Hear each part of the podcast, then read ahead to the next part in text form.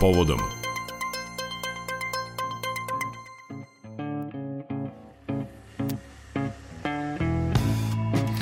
U Novom Sadu biće održan prvi od tri okrugla stola u okviru javne rasprave o setu zakona iz oblasti bezbednosti, od kojih je onaj o unutrašnjim poslovima ili nacrt novog zakona o policiji izazvao najviše primetbi u javnosti. Zbog toga je i produžena javna rasprava do 22. januara, a u povodom moći ćete da čujete kako je policija odgovorila na te primetbe i šta na to kažu predstavnici civilnog sektora specijalizovanih za bezbednostna pitanja i za oblast ljudskih prava. Nacrt zakona o unutrašnjim poslovima koji je nakon reakcija civilnog društva povučen u septembru prošle godine nakon dorada ponovo je na stolu. Na konferenciji za novinare u Beogradu koja je trajala dva i po sata predložena rešenja obrazlagali su članovi radnih grupa.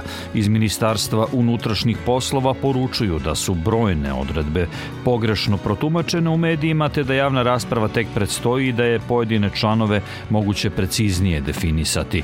Vladimir Radojković Među odredbama novog nacrta zakona o unutrašnjim poslovima predmet polemike je korišćenje softvera za obradu biometrijskih podataka, To ovlašćenje policija može koristiti isključivo uz naredbu suda, pojašnjava zamenica sekretara Ministarstva unutrašnjih poslova Milica Bondžić. Ovo nije posebna dokazna radnja, ovo je policijsko ovlašćenje koje se primenjuje na način i po postupku za primjenu posebnih dokaznih radnja, a to znači da policijski službenik, kada u konkretnom slučaju ne može na drugi način da izvrši proveru identiteta nekog lica, mora da se obrati javnom tužiocu koji se potom potom obraća sudiji za prethodni postupak i tek ukoliko se dobije naredba sudije za prethodni postupak, može se koristiti ovaj rezultat podudarnosti. Iz MUPA naglašavaju da će biometrijska obrada služiti otkrivanju počinilaca krivičnih dela, zatim lica za koje postoji osnovana sumnja da pripremaju terorističke i druge protivzakonite akte,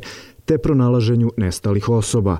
Softverski rezultat u postupku utvrđivanja identiteta čekaće potvrdu policijskih službenika, precizira Milica Bondžić. Rezultat podudarnosti biometrijskih karakteristika lika do koga dođe policijski službenik na ovaj način nije e, uslovno rečeno njegova konačna odluka. Dakle, nema kod obrade podataka e, upotrebom sistema videonadzora, odnosno biometrije, nema automatizovanog donošenja odluka. Dakle, sve i da taj neki hipotetički softver e, koji, koji budemo u budućnosti koristili pokaže rezultat podudarnosti 99,99%, policijski službenik će biti dužan da i u toj situaciji preduzme druge, druga ovlašćenja, druge mere i radnje kako bi potvrdio ili opovrgnuo a, a, rezultat softvera jel, i softver jel, može da, da napravi grešku. Objašnjavajući zašto je potrebna biometrija, načelnik Uprave za međunarodnu operativnu policijsku saradnju Milan Dimitrijević navodi da Interpol koji broji 195 država članica, ala alatku za prepoznavanje lica koristi još od 2016. godine. Mi još uvek nismo u standardu da zbog toga što nemamo zakonom predviđene norme koje regulišu pitanje face recognitiona, nismo u prilici da budemo partneri da dajemo doprinose u tom delu naše međunarodne politiske saradnje. A poseban akcenat stavljam na to da smo operativni partneri Evropola. Evropol koja je agencija, Evropska agencija za sprovođenje zakona je vrlo jasno definisala, a posebno implementirala sve one okolnosti koje mogu da utiču negativno i mogu da imaju posledice, a tiču se zaštite podataka o ličnosti ili zaštite tajnosti podataka. U toj takvoj konstalaciji snaga gde je Srbija operativni partner Evropola, mi i da hoćemo imamo super kontrolu koja ne zavisi samo od nas na nacionalnom nivou, nego upravo zavisi od evropskih agencija, od evropskog poverenika za zaštitu podataka i svih država članica koje imaju svakog, svakog trenutka pravo da izvrše proveru i analizu naših obra, naše obrade podataka. U okviru procene uticaja na zaštitu podataka o ličnosti u MUP-u rade procenu srazmernosti i neophodnosti upotrebe sistema biometrijske obrade. Analiza bi u skorije vreme trebalo da postane dostupna javnosti, kaže Dragan Obradović iz sekretarijata MUP-a. Više puta smo spomenuli ovu procenu uticaja e, nameravanih radnje obrade koju ministarstvo vrši.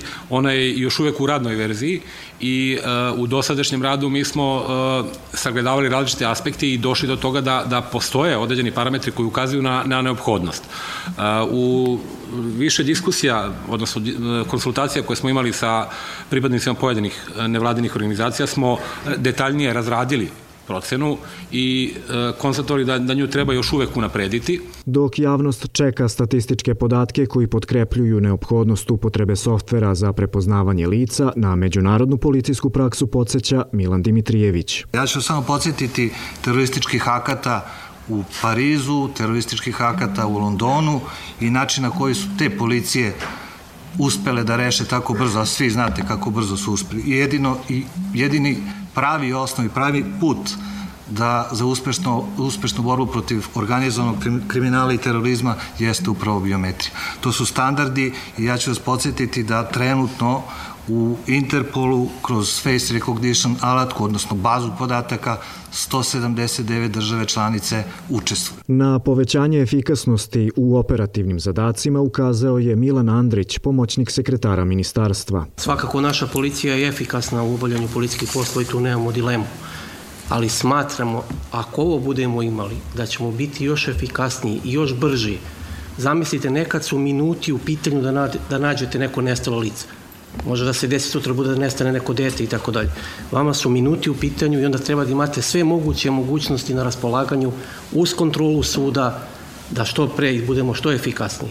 Bezbedno korišćenje softvera biće u fokusu Ministarstva unutrašnjih poslova, poručuje pomoćnik ministra i načelnik sektora za analitiku, telekomunikacione i informacione tehnologije Slobodan Nedeljković. Mi ćemo kupiti taj softver jer e, to su veoma usko specializovani softveri i prave ga e, softverske kompanije koje imaju i više hiljada ljudi koji rade na razvoju. MUP naravno nema takvu mogućnost i radi se o veoma složenim matematičkim algoritmima. Mi ćemo se fokusirati na logove, fokusirat ćemo se na pristup e, karticama našeg svakog pojedinca koji bude koristio i pravama i privilegija. Znači, taj deo softvera gde ćemo mi faktički uticati na to da on bude strogo po propisima kako bismo mogli da e, rad, kontrolu i postupanja policijskih službenika po zakonu sprovodimo. Dakle, zakon treba da stvori normativni osnov.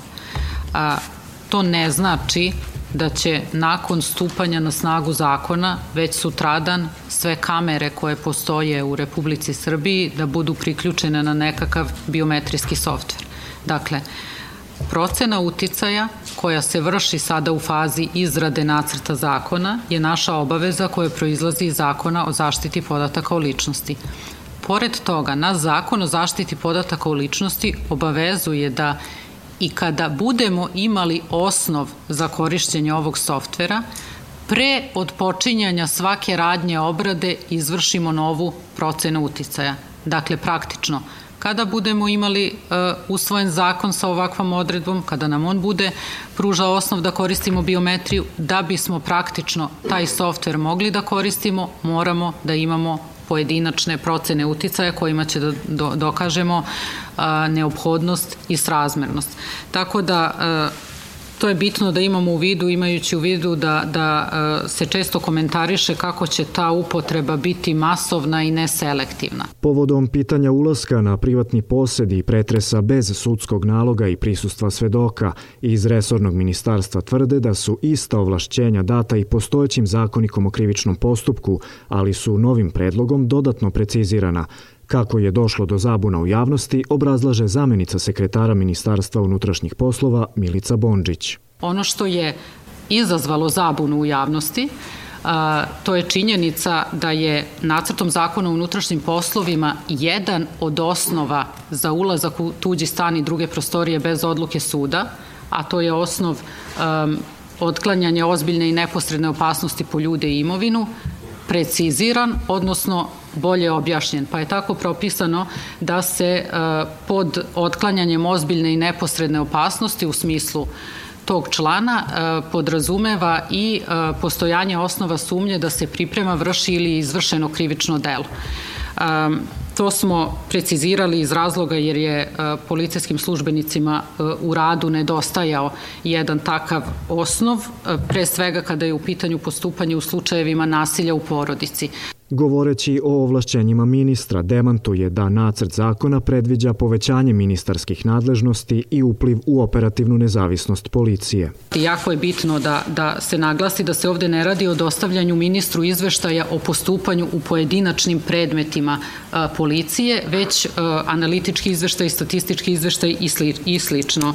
Javna rasprava o predlozima zakona o unutrašnjim poslovima i obradi podataka i evidencijama produžena je do 22. januara.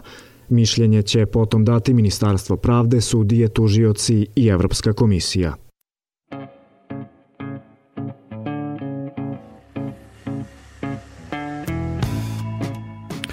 Poslušajte sada šta jedan od učesnika razgovora sa predstavnicima Ministarstva unutrašnjih poslova prilikom pripreme nacrta ovog zakona, Bojan Elek iz Beogradskog centra za bezbednostne poslove, kaže o ovom nacrtu zakona. Nakon povlačenja nacrta zakona MUP je od septembra prošle godine do novembra ove godine organizovao sedam sastanaka sa predstavnicima civilnog društva. E, sada kada vidite nacrt zakona, da li možete da kažete da su ti sastanci urodili plodom i koliko je ovaj nacrt zakona zaista drugačiji od onog iz septembra prošle godine? Dakle, novi nacrt e, zakona o unutrašnjim poslovima zapravo je do neke samo dorađena verzija ovog prošlogodišnjeg koji je povučen nakon e, oštre reakcije javnosti. I tačno je da smo imali sa Ministarstvom unutrašnjih poslova sedam sastanaka od kojih se šest zapravo ticalo isključivo biometrijskog nadzora i upreko tome što se zaista uvodila jedna čak i zanimljiva i korisna debata, a, nisu rešeni ključni problemi u vezi čak ni sa time. Dakle, i dalje Ministarstvo unutrašnjih poslova nije dokazalo zašto se zapravo taj biometrijski nadzor uvodi, to je zašto je to neophodno i nije uradilo tu procenu uticaja, dakle da se utvrdi koji su rizici po prava i slobode građana ukoliko se on na ovaj način uvodi, a što se tiče svih ostalih tema, a brojne su sve problematične, mm -hmm. a, svega jedan sastanak se desio negde krajem jula i to je izgledalo tako što, što su predstavnici radne grupe čitali član po član zakona, stigli negde do 15. i nakon toga smo prestali. Dakle, brojne druge stvari nisu uopšte popravljene, a, a negde se išlo još i korak dalje i delo je zapravo da su da ključni problemi u, u srpskoj policiji ne samo da ovim zakonom ne, nisu rešeni, nego će biti dodatno produbljeni. Dosta je bilo primetbi možda i najviše na to da policija može da izvrši pretres stana bez sudskog naloga. E, da li ima osnova da je u tom delu povređen e, ustav i da li imate razumevanja za argument policije, malo pre smo ga čuli, da je ta vrsta širenja nadležnosti bila potrebna zbog slučajeva nasilja u porodici?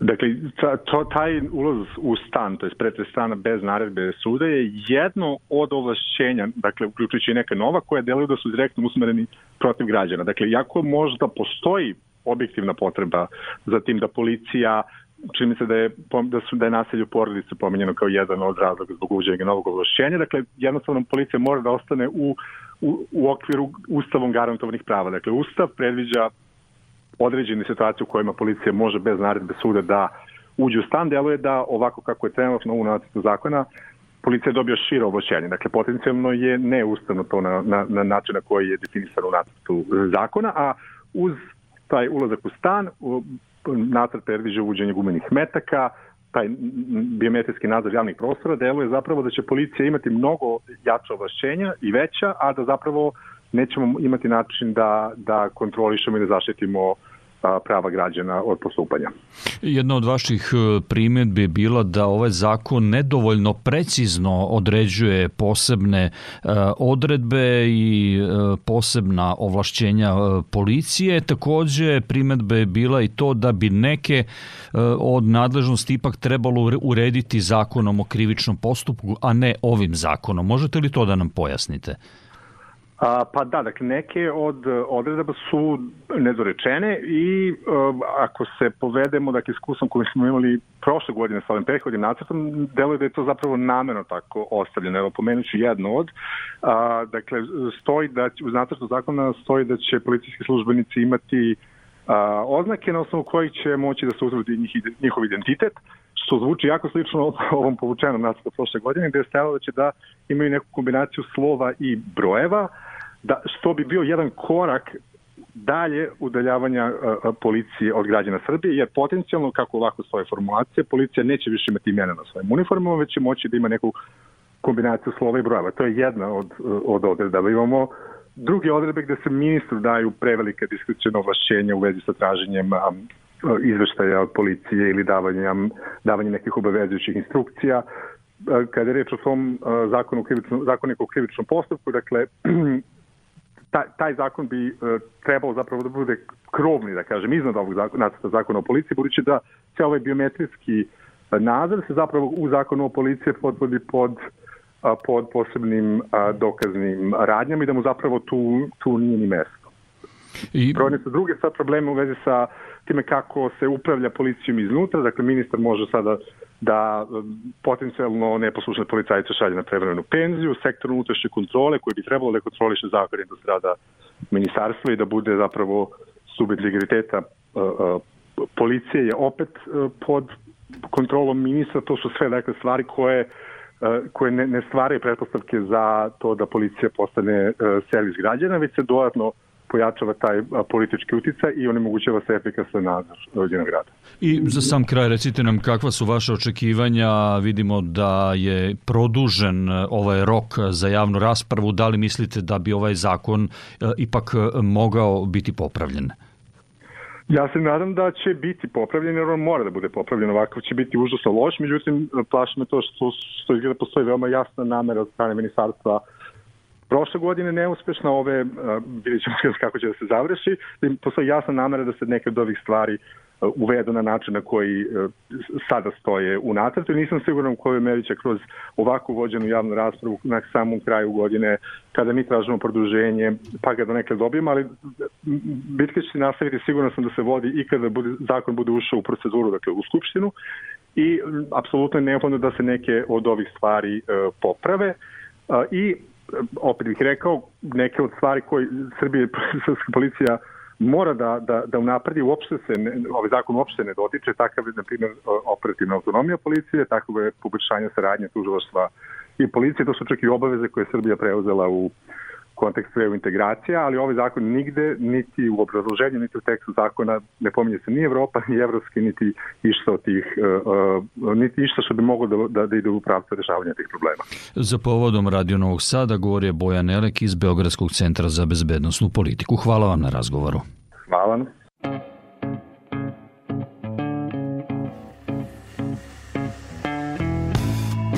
za kraj sa Anom Toskić-Cvetinović iz organizacije Partneri Srbije razgovarali smo o potencijalnom uvođenju biometrijskog prepoznavanja ljudi. Biometrijski nadzor građana, odnosno uvođenje sistema video nadzora za automatsko prepoznavanje lica, opravdava se ili objašnjava borbom protiv organizovanog kriminala i terorizma i navodi se primer e, Londona. Takođe čuli smo na konferenciji za novinare članova radne grupe i policije da e, u sistemu Interpola učestvuje 179 država članica u razmeni podataka o prepoznavanju e, lica. Da li je to za vas sasvim dovoljno i kvalitetno objašnjenje i opravdanje za uvođenje biometrijskog nadzora? Ne, iz nekoliko razloga. Ako govorimo o obavezama u okviru Interpola, to, odnosno postojanje sistema za automatsko prepoznavanje lice nije formalna obaveza država koje učestvuju u tom mehanizmu. Znači, treba da napravimo i razliku između obrade biometrijskih podataka koje između ostalog i obrada putem ličnih karata, dakle naše lične karte su ove, imaju inkorporirane biometrijske podatke, odnosno fotografiju građana i sistema za automatsko prepoznavanje lica koji dakle nije ni u jednom međunarodnom instrumentu obaveza država, država članica. Uh, takođe, takav jedan razlog ni u jednom momentu se do sada nije navodio od MUPA kao uh, zahtev, odnosno osnov za potrebu za uvođenje uh, biometrijskog nadzora samo učešća automatskog prepoznavanja lica. Primeri gradova koje nažalost imaju istoriju terorističkih napada nisu relevantni za Srbiju. Naravno, niko ne želi da mi takvu istoriju imamo, niti da uh, se spreče naši organi da imaju alate koji bi im omogućili da a, detektuju ili spreče pripremu ili izvršenje takvih krivičnih dela, ali ono što je bitno jeste da mi nismo do sada u celom ovom procesu izrade zakona o unutrašnjim poslovima dobili analizu koja bi ukazivala na postojeće opasnosti od određenih vrsta krivičnih dela za koje bi e, jedino adekvatno sredstvo e, za njihovo spričavanje i gonjenje bila, bilo biometrijska obrada podataka sa automatskim prepoznavanjem lica. Dakle, mi nemamo analizu stanja kriminaliteta u Srbiji, mi nemamo analizu potencijalnih bezbednostnih pretnji u našoj zemlji i samim tim nemamo ni odgovor na to da li je biometrijski nadzor zapravo neophodno, ali i srazmerno sredstvo kako bi se te opasnosti e, adresirale. U članu 71 e, nacrta zakona navodi se da se prepoznavanje na osnovu biometrijskih karakteristika može izvršiti radi pronalaženja izvršioca krivičnog dela za pronalaženje lica za koje se osnovano sumnja da priprema krivično delo te za pronalaženje lica za kojim se traga. Da li je to kvalitativna promena u odnosu na povučeni zakon pre godinu dana? To je e, bio, bilo rešenje i u prethodnom zakonu. Ono što je kvalitativna promena e, jeste stavljanje e, ovih svrha u kontekst takozvanih posebnih dokaznih radnji, odnosno zahtev da se za primenu automatskog prepoznavanja lica zahteva odluka suda. To je ono što je izmenjeno, dakle postavljen je taj viši, viši standard u odnosu na prethodni nacrt. E, međutim, ono što je problem jeste da je paralelno sa ovim nacrtom zakona o unutrašnjim poslovima e, objavljen nacrt zakona o evidencijama o, i obradi podataka u unutrašnjim poslovima koji ove tri svrhe koje ste pomenuli dodatno proširuje i daje mogućnost da se biometrijski nadzor koristi e, i dakle u nekim drugim slučajevima, uključujući i sportske prirode, čak i u slučajevima kada se detektuje neko nedolično, nedolično ponašanje. Dakle, on proširuje e, te mogućnosti i dakle imamo neusklađenost između ova dva e, ova dva dokumenta, naše smo mi ukazali e, Ministarstvo unutrašnjih, unutrašnjih poslova. Dakle, kvalitativna razlika jeste zahtev da postoji odluka suda, ove tri svrhe koje ste pomenuli su postojale i u prethodnom nacrtu i one se nadovezuju na neka dokumenta m, koja se, na kojima se trenutno radi na nivou Evropske unije, koje takođe m, predviđaju e, eventualnu mogućnost primjene biometrijskog nadzora u ove svrhe, ali je ta debata u Evropskoj uniji još uvek u toku i čak se razmatra mogućnost da se uvede potpuna zabrana tog biometrijskog nadzora na javnim površinama. Kancelarija poverenika za zaštitu podataka o ličnosti je saopštila da bi trebalo doneti poseban zakon kojim bi oblast video nadzora bila uređena na sveobuhvatan način. Da li bi to i u kom smislu popravilo stvar? To bi uh, olakšalo uh, rukovalcima podacima, odnosno onima koji se odluče da iskoriste video nadzor, uh, zato što je kod nas video nadzor sada regulisan samo uh, zakonom uh, o bezbednosti saobraćaju i zakonom o privatnom obezbeđenju. Uh, ne i drugim propisima koji bi recimo regulisali video nadzor koji različiti privatni subjekti koriste. E sad, ono što uh, je bitno napomenuti jeste da to ne znači da ne postoje norme, pre svega u zakonu o zaštiti podataka o ličnosti, koje uh, bi uh, regulisale, regulisale pitanje video, video nadzora. Uh, te norme zapravo podrazumevaju određena načela koja bi trebalo promeniti, primeniti i kada se govori o instaliranju kamera i one podrazumevaju uh, između ostalog potrebu da taj video nadzor bude srazmeran, uh, da se obrađuje minimalni obim podataka, uh, da postoji jasno iskomunicirana informacija licima koje se snimaju o tome da postoji snimanje, kako se njihovi podaci čuvaju, da se ti podaci čuvaju sa adekvatnim merama zaštite i tako dalje i tako dalje. Dakle, nije tačno da ne postoje norme koje E, se mogu primeniti na video nadzor e, i to ne bi trebalo da bude izgovor svima onima koji e, koriste video nadzor, dakle da je on regulisan, on jeste regulisan, ne postoje speci, specializovane norme koje se bave samo video nadzorom, ali dakle opšta načela i pravila i zakon o zaštiti podataka o ličnosti važe i za ovaj način obrade podataka građana. I za sam kraj, e, da li ovakav sistem i ovakav način biometrijskog e, praćenja, zakonski regulisan na ovakav način, e, postoji još negde u Evropi? Ove norme jesu izrađene delom po uzoru na nacrt uredbe Evropske unije o veštačkoj inteligenciji, ali e, na njenom konačnom tekstu se i dalje radi i dakle nije izvesno da li će uopšte taj biometrijski nadzor nad javnim površinama biti, e, biti dopušten. Ono što je činjenica jeste da ovakav nadzor postoji u nekim zemljama poput Francuske, Nemačke, Velike Britanije.